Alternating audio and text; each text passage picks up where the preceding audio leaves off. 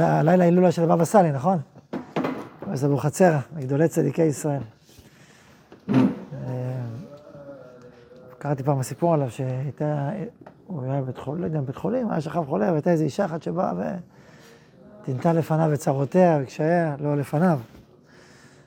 ואז uh, הוא אמר, שמעו אותו אומר, ריבונו של עולם, אני מוכן שיחתכו שתי ידיי, בלבד שתהיה ישועה לאותה אישה.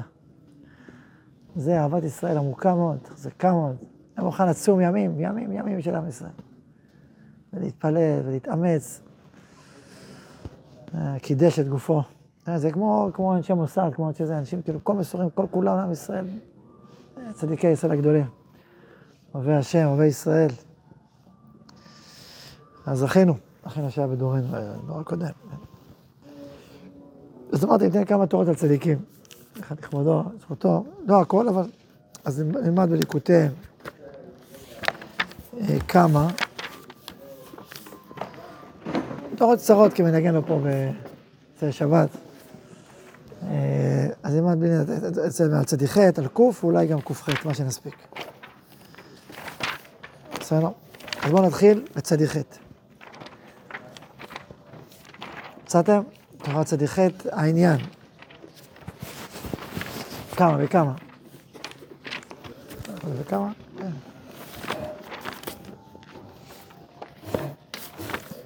בסדר, מצאתם? צריך את? אהבה. ברוך תהיה. חמים מוצאי שבת, לדוגמה. מבשל את זה פה, טרי. כמו הקפה. בסדר, מצאתם? לא מצאתם? הנה, יפה. העניין. העניין, מה שנאמר בגמרא כמה פעמים. נתן בו עיניו והשאור גל של עצמות. נכון, הגמרא אומרת כמה מקרים במסכת ברכות, שבת, כמו שכתוב פה, שהצדיק, נגיד רבי שמעון בן יוחאי, הסתכל אותו זקן, עשה אותו גל של עצמות, אותו זקן ש... שדיבר עליהם למלכות. ביטוי כזה, נכון? גל של עצמות. אז הוא אומר, צריך, צריך להסביר, מה זה הביטוי הזה, נתן עיניו בו, ומה זה גל של עצמות? מה, היה עכשיו ערימה של עצמות? מפורסם, יש שם חסידים, צדיקים. שהכוונה שהוא שאב את החיות מהאדם שלפניו, אז הוא כבר אין לו חיות כלום, גל של עצמו. זה הסבר אחד. פה הוא הסביר משהו אחר לגמרי. בואו תראו, תראו ותופתעו. מה הלשון נתן עיניו נעשה גל של עצמות? הנה האדם אינו רואה, עד אחד מגיע הפגם. אחד הפגם מגיע עם עבר עבירה. והצדיק רואה, כי הצדיק יש לו עיני השם, כמו שכתוב, עיני השם על צדיקים. שהצדיק יש לו עיני השם. ועיני השם המה משלותו בכל הארץ. נמצא, הצדיק רואה עד היכן נפגע מפגיע. וזהו פירוש הגמרא, נתן עיניו בו, כלומר שיהיה רואה בעיניהם של צדיקים. ונעשה גל של עצמות, גל מלשון התגלות, ועצמות מלשון עוצם עיניו לראות ברע, דהיינו שהוא רואה מה שפגם, שהנסתר ממנו מקודם, ואין עונש גדול מזה כשאדם רואה מה שפגם. מה הוא מסביר? זה התורה החסידית, שלכאורה זה לא הפשט, להגיד ככה. תראה, גם כאן של עצמות באופן פשוט זה לא... אבל יש משהו שהזיק אותו. פה הוא לקח אותו למקום חדש לגמרי, אבל יש פה מסר מאוד מאוד עמוק, אני חושב ש... שבין אם זה הפשט, בין אם הפשט הוא משהו אחר, או סיפור אחר, עדיין המסר הוא, הוא משמעותי. הוא, אתה לוקח אותו, הוא, הוא מגלה לך סוד. ואז הוא אומר ככה, נתן עיניו בו ועשו גל של עצמות. אז הוא מתחיל ואומר שהצדיק יש לו עיני השם. טוב, כמובן שאתם יודעים, רבי נחמן לא צריך את זה כפשוטו, מה יש לו עיני השם? זה לא, צדיק הוא לא אלוקים, נכון? זה פשוט. הכוונה יש לו ראייה רוחנית. ראייה רוחנית. כמו שיש ראייה פיזית, יש ראייה גבוהה יותר, עדינה יותר, עמוקה יותר, פנימית יותר. עכשיו, אומרים ראייה רוחנית, תמיד אנחנו חושבים מה? ראייה של רוח הקודש כזאת, רואה מה אדם פגע, מה יהיה. טוב, זה דרגות גבוהות, מיוחדות של צדיקים שרואים מעבר, בסדר. אבל יש גם ראייה רוחנית שהיא לא צריכה להגיע עד הדרגות האלה. יותר פשוט. מה זה יותר פשוט? כשאתה רואה מישהו עושה עבירה, מישהו פגע במישהו אחר, טוב, נגיד דוגמה. או, אני יודע מה, חיל לשבת, לא עלינו. אז אתה אומר, טוב, מה הוא אומר לעצמו? בסדר, מה עשיתי? נגדי טוב בשבת, בסדר, פגעתי בו, זה הכל בסדר.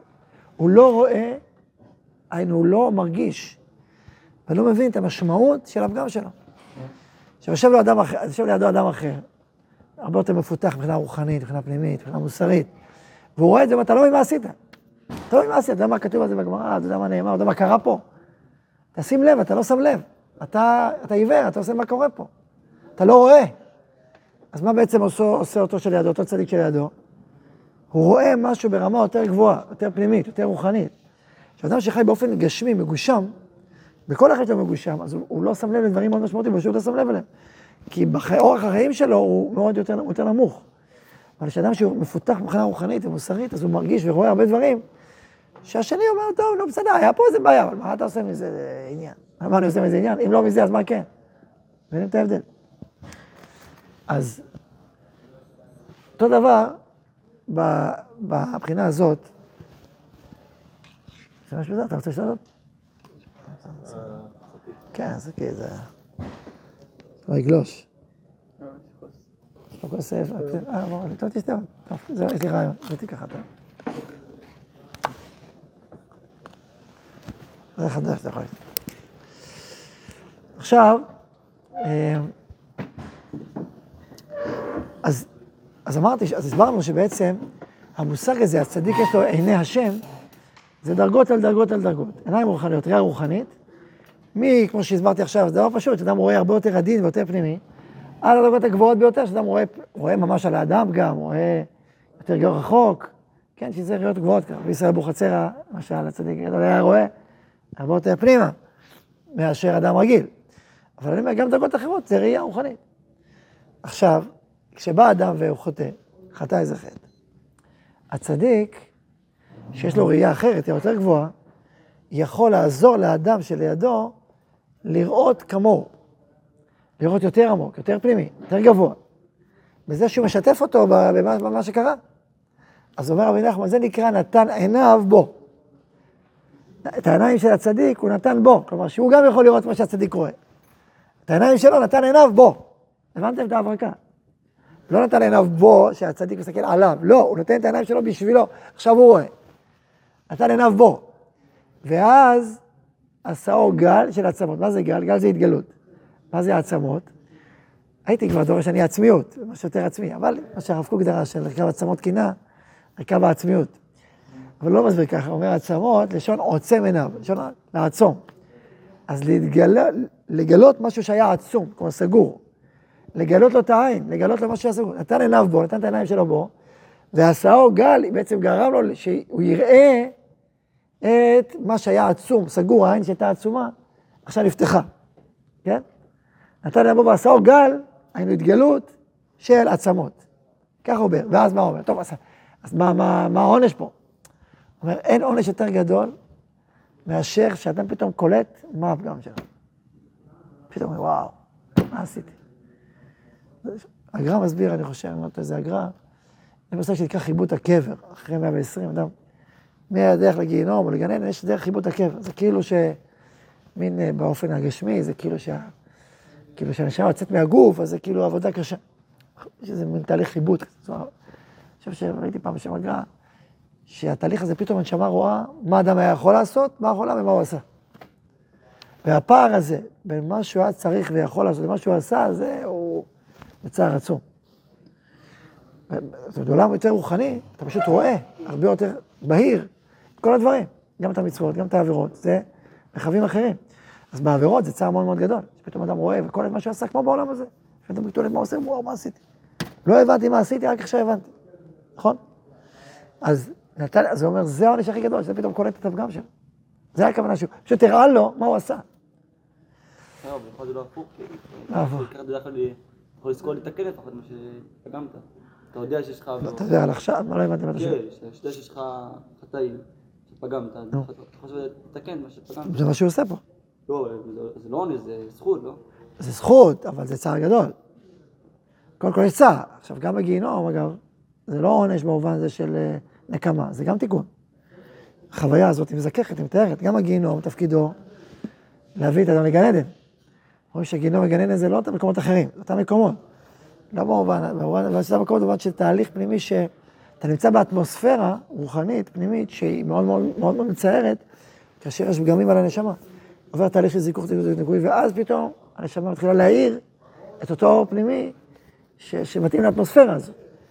אור כתוב שעתיד לבוא, וזרחה לכם יראה שמי, שמש, צדקה ומרפא בכנפיה. מה זה צדקה ומרפא? זה כתוב שצדיקים מתענגים בה. ורשעים נידונים בה. לרשע, אז זה שמש שורפת, אבל לצדיק זה ממלא אור, כי באמת היא מלאת אור, אבל אם יש פגימות וחסימות, אז זה שורף לרשע. בעצם אותו, אותו מהות. אז לכן בעצם גם, גם המהלך הזה, יש בו צער, וזה כאב גדול. אבל התפקיד שלו זה לא בשביל להשבית את האדם, התפקיד שלו זה בשביל לזכך אותו ולתקן אותו. לכן באמת, גם הצער הזה באופן פנימי הוא, הוא, הוא בשורה. גם הגיהינום באופן פנימי הוא בשורה. יש גמרא מפורשת, גמרא בחגיגה על אה, אלישע בן אבויה, אחר, שכשהוא נפטר, אז אמר רבי מאיר, מי ייתן שפטר מן העולם ואעלה עשן מקברו. למה? כדי שייכנס לגיהינום. כי אפילו גיהינום נכניס אותו. ויזדקר. ואז מת כשנפטר רבי מאיר, התחיל להיות עשן מהקבר של ישב בן אבויה. אמר רבי יוחנן, אחר כך אמר רבי יוחנן, לא אומר, גבורתא הוא למיקלה רבה? מה זה, גבורה לגרום לו להישרף? לשרוף את רבו? מי ייתן שאני אפטר מן העולם, פסק עשן מקברו. כשנפטר נפסק. ככה אומרת הגמרא. מה זה אומר? מה? מה זה אומר עליך?